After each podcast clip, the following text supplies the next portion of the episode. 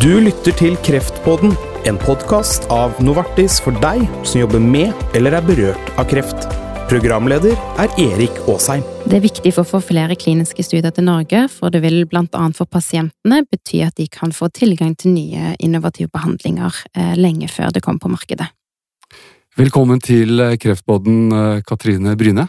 Tusen takk. Du er eh, seniorrådgiver i bransjeorganisasjonen LMI, altså legemiddelindustrien, og jobber med forskning og næringsutvikling med fokus på kliniske studier. Og i denne episoden av Kreftpodden så skal vi snakke om legemiddelindustriens rolle i eh, det vi kaller næringskjeden. og høre om hvordan det jobbes med kliniske studier, og ikke minst hvorfor medisinene er så dyre.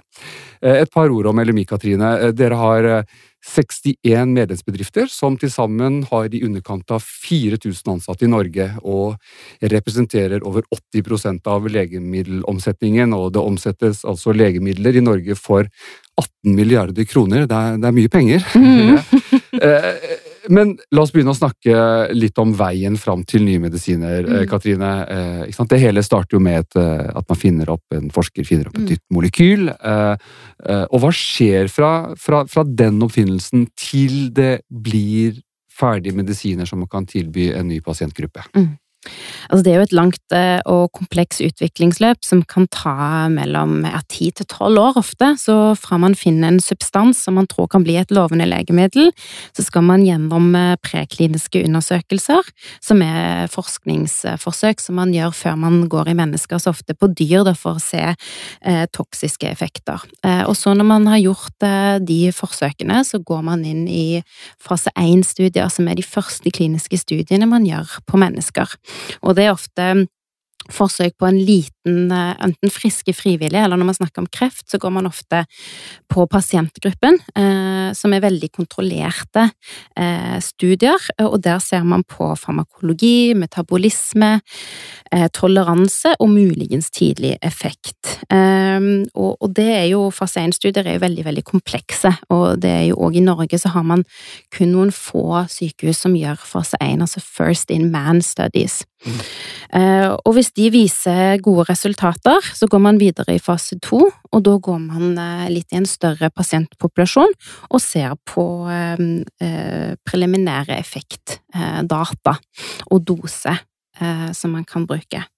Og deretter går man i fase tre, en enda større pasientpopulasjon. Ofte er det involverer flere tusen pasienter i mange ulike land.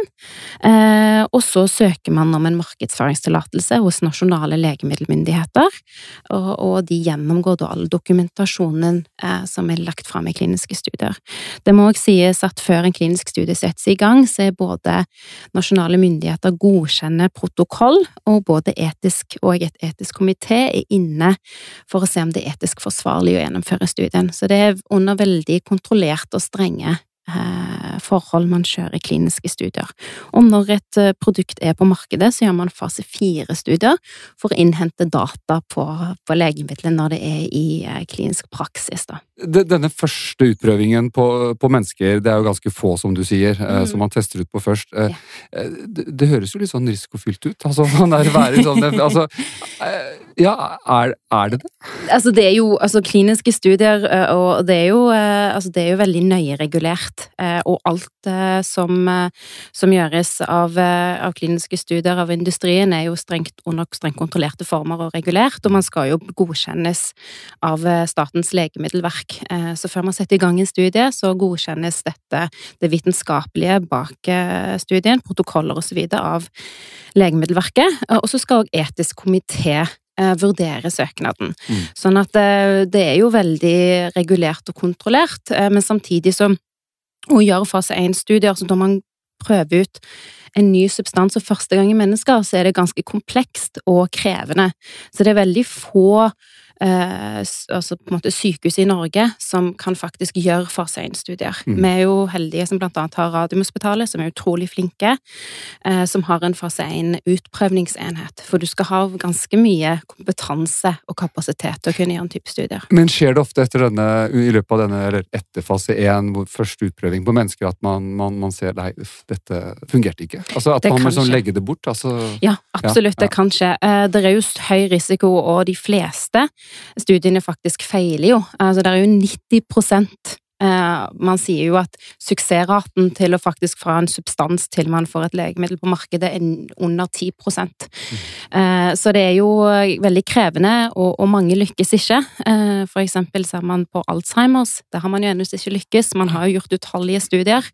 Eh, Sånn at eh, det er høy risiko. Men for eh, de pasientene som deltar, de skal jo være under trygge rammer, og det er overvåking, eller man har veldig strenge regulerte former, da, så det skal jo Man prøver jo å minimere risikoen eh, for pasientene som deltar. Mm. Har man regnet på hvor, hvor mye dette koster? Altså Du sier at det kan ofte ta 10-15 år før, før måte man, man har en ferdig medisin. Altså, Mm. Fins det noen beregninger på hvor mye det koster å utvikle en, en, en ny medisin? Altså man sier jo, Det er veldig mange forskjellige tall, eh, avhengig av eh, altså alt fra terapiområdet, hva du tar med i beregningen osv. Men man sier ca. at det tar mellom 8 til 12 milliarder kroner å utvikle et legemiddel. Såpass, ja. Mm. Så det er ganske høye utviklingskostnader. Eh, man ser jo òg at det, det blir stadig mer og mer krevende å utvikle nye medisiner. Eh, samtidig òg man eh, ser i forhold til den retningen man går til i forhold til persontilpasset medisin, det at man skreddersyr mer og mer behandling til den enkelte pasient, gjør jo òg at man for eksempel òg har veldig mye mindre studier, faktisk, eller færre pasienter som deltar i studien, fordi man, man skal for for eksempel ha en spesiell genotype eh, i svulsten og så videre. Så det, det blir litt Man endrer jo òg nå stadig mer eh, hva skal man si studiedesign, som, eh, som òg den medisinske utviklingen. Mm. Hvor, hvor mye av dette er det som finnes opp i industriens laboratorier, og i forhold til det som finnes opp i hva skal vi si, akademias eh, laboratorier? Er det en kombinasjon, eller er det industrien som styrer alt dette? Det er en, eh, det er en kombinasjon, eh, vil jeg si, si nå. Altså det som var før, var jo ofte at industrien jobba litt mer silo og hadde mye mer intern forskning og utvikla veldig hva skal man si, siloorientert og ikke så, så stort eh, utstrakt samarbeid med, med, samarbeid med akademia. Det man ser nå, at man går mer i en sånn samarbeid med akademia og mer open innovation. Så man ser for eksempel at eh, noen store farmasøytiske selskaper oppretter sine R&D-hubs i nærheten av eh, akademiske institusjoner for å samarbeide med, med de. Så man ser jo mye av den basalforskningen som akademiet har, som er av stor interesse for industrien, eh, og man da samarbeider om å utvikle eh, nye substanser til, eh, til legemidler. Og det som også er fint med den eh, samarbeidsdynamikken, er jo ofte at det, det som legemiddelindustrien er veldig gode på, det er jo å kjøre store prosjekter og utvikle eh, en substans til et legemiddel. Og det akademia er veldig gode for, det er grunnforskning og den basalforskningen som er helt nødvendig for å finne nye substanser som kan bli eventuelt nye legemidler. Så dere har liksom prosjektlederrollen, rett og slett? Man kan nesten si det sånn på noen områder, eh, kan man det. Hei, jeg heter Anita Fredriksen. Og jeg er Anita Henriksen. Så fint at du lytter til Kreftpodden. Denne podkasten er et initiativ fra Novartis for å fremme kunnskapsdeling og faglige diskusjoner innen fagfeltet onkologi.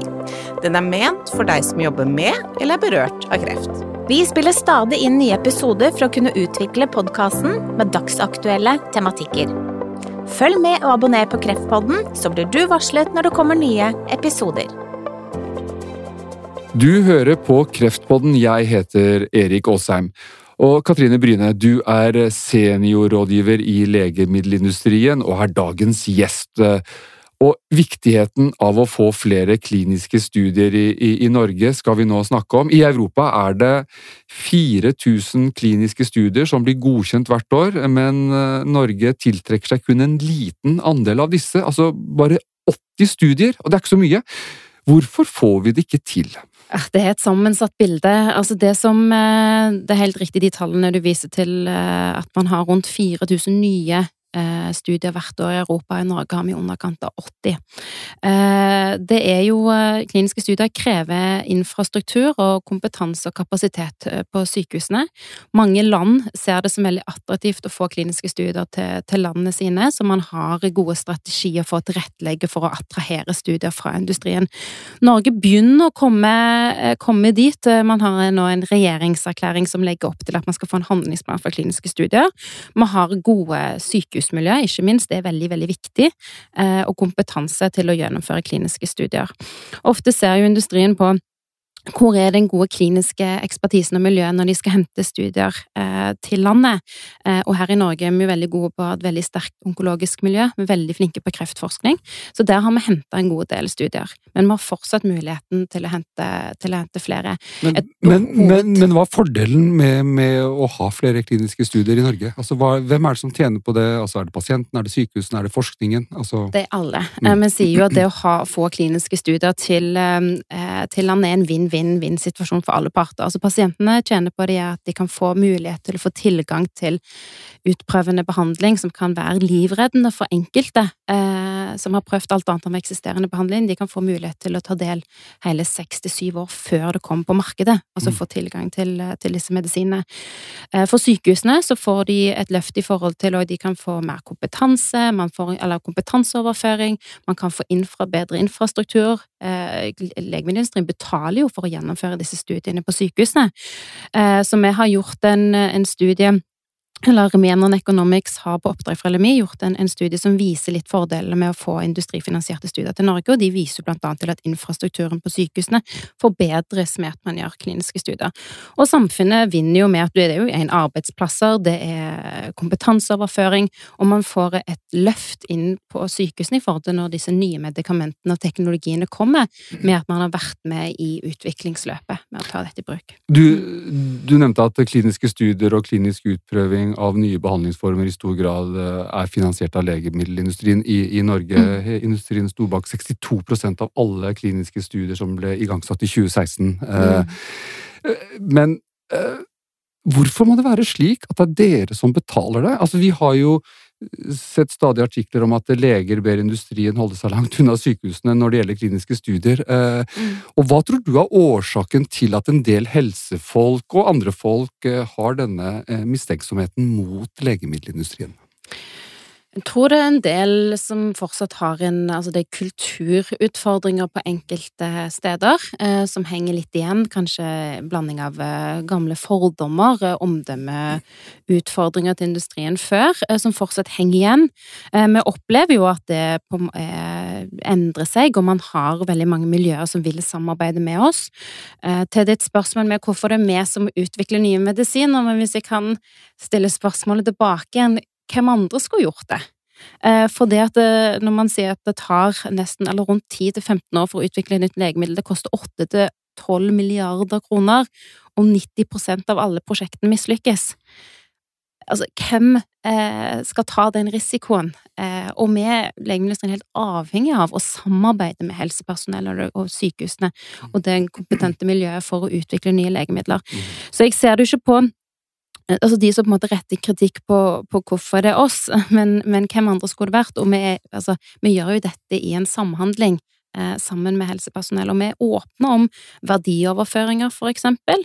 Legemiddelindustrien sjøl eh, offentliggjør hvert år hvor mye som overføres både til helsepersonell, til helseinstitusjoner, i forhold til det å være åpenhet om bindinger eh, og, og, verdioverføringer, for man er tjent med det. Og der har det skjedd mye på, på, få år? Det er mye mer åpenhet nå enn det var tidligere? Mye, mye mer åpenhet. Ja. Både på det med verdioverføringer i forhold til eh, klinisk forskning og andre ting, men òg ikke minst på åpenhet når det kommer til, eh, til data om kliniske studier, så er man òg mye mer åpne enn før. Og der er faktisk industrien eh, kan jeg tillate meg å si, bedre enn å publisere sine data enn akademia, og det har man studier på. Så ingen er tjent med å holde dette i lukka rom. Her er vi, ønsker man å dele data for at det skal komme både alt det gode. Mm, men en annen kritikk som også har vært en del oppe, det er jo at uh, ofte er det legemiddelindustrien selv som analyserer tallene og funnene, og, og da er vel ikke forskningen uavhengig lenger? Eh, der er jeg uenig. Altså det som, eh, ja, det er industrien som analyserer resultatene bak studiene, men alt blir jo offentliggjort. Eh, det er lover og regler som krever at resultatene på kliniske studier skal bli offentliggjort i dag. Og det kommer en ny forordning, en ny EU-forordning om kliniske studier som vil kreve enda mer offentliggjøring av studieresultatene.